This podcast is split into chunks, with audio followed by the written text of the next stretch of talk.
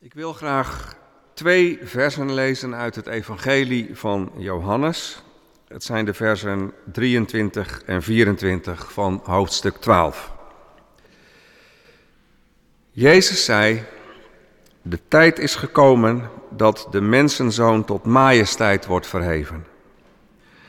Werkelijk, ik verzeker u, als een graankorrel niet in de aarde valt en sterft, blijft het één graankorrel. Maar wanneer hij sterft, brengt hij veel vruchten voort. Lieve mensen, de levensles die Jezus ons vandaag leert, behoort, denk ik, tot de meest centrale van alles wat Jezus ons heeft geleerd. Het is een les die hij in zijn leven, in zijn sterven en bovenal in zijn opstaan uit de dood zelf heeft geleefd en belichaamd. Het is de les van het graan dat sterft om juist zo leven voort te brengen en vrucht te dragen. Het beeld is eenvoudig. Een korrel tarwegraan valt in de aarde en gaat daar dood. Maar wonderlijk genoeg ontkiemt uit dit stervensproces een nieuwe aar met daarin een veelvoud aan nieuwe graankorrels. Dat is de wet van het leven. Dat is de wet van het koninkrijk van God, zegt Jezus. En uiteraard vertelt Jezus deze gelijkenis allereerst om duidelijk te maken wat de betekenis van zijn eigen dood zal zijn. Hij voorziet dat er binnenkort een stervensmoment zal komen, dat hij zal sterven aan een kruis. En hij bereidt zijn leerlingen daarop voor. Zij, die leerlingen, ze kunnen niet anders bedenken dan dit wordt het einde. Het einde van alles waar we in geloofd hadden. Maar Jezus zegt, nee hoor, dit is het begin. Het begin van iets veel groters dan wat jullie tot nu toe gezien hebben. Mijn sterven, zegt Jezus, zal leven voortbrengen. Nieuw leven. En niet alleen voor mijzelf, maar vooral ook voor jullie, voor anderen. Ik zal sterven als een graankorrel, om op te staan als een tarwehalm die overvloedig vrucht draagt. Dit is het verhaal van Goede Vrijdag, Stille Zaterdag en Pasen in één sprekend beeld. Dit hebben we gevierd in de afgelopen dagen. En het beeld helpt ons om het geheim van Pasen te verstaan. Nee, niet om het te begrijpen, maar om het te verstaan. Met ons hart.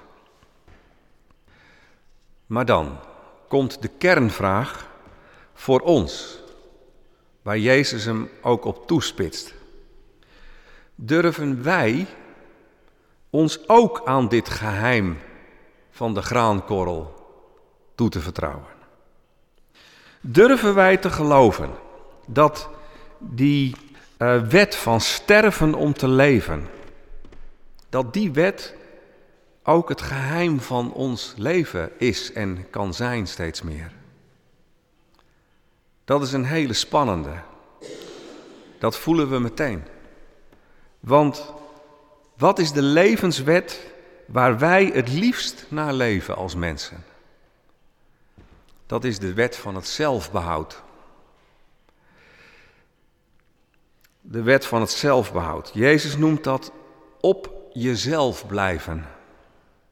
En dat betekent zoiets als je leven zo leven dat je eigen ik bewaard blijft, dat het kan groeien, dat het kan bloeien. Dat je de wereld, mensen in de wereld, gebruikt om je eigen bestaan te rechtvaardigen en in stand te houden.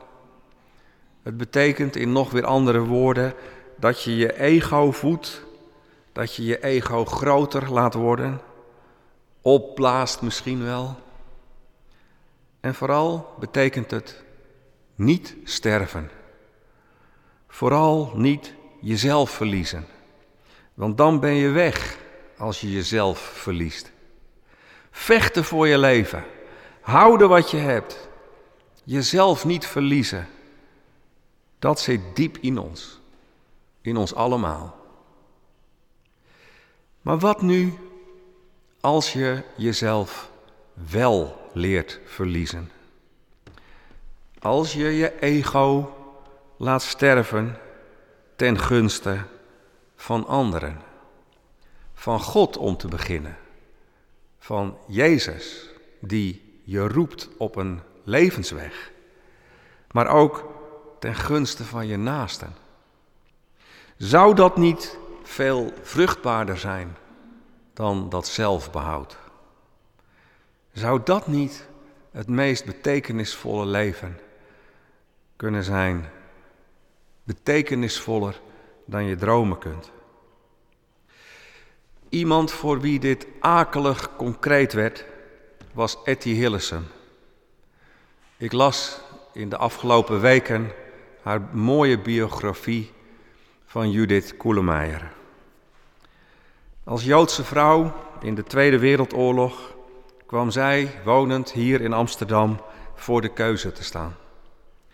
Wil ik mijn leven redden door onder te duiken? Of wil ik mijn leven verliezen door solidair te blijven met mijn volk? Haar dagboeken zijn een ongelooflijk diep verslag van de innerlijke weg die ze gegaan is, samen met God, steeds meer samen met God, om met steeds meer overtuiging te zeggen, ik kies voor het laatste, voor de verbondenheid met mijn volk, al betekent het mijn ondergang. Ze wist dat ze haar leven letterlijk zou verliezen. Maar ze geloofde dat haar leven juist zo tot haar diepste bestemming zou komen. En dat het op een of andere manier vrucht zou dragen. Nog steeds, tot op de dag van vandaag, is er veel discussie over haar keuze. Had ze niet toch moeten onderduiken, haar leven moeten redden? Maar één ding staat vast. Doordat zij deze weg koos, is ze voor heel veel en steeds meer mensen een enorme bron van inspiratie geworden.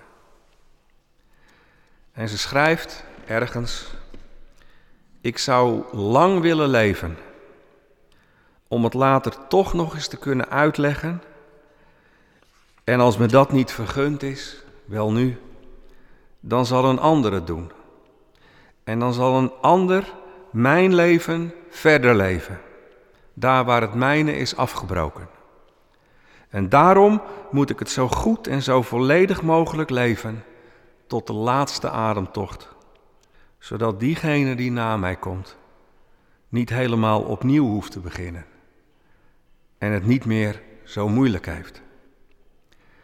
Ik lees dit als het geloof in de wet van het tarwegraan.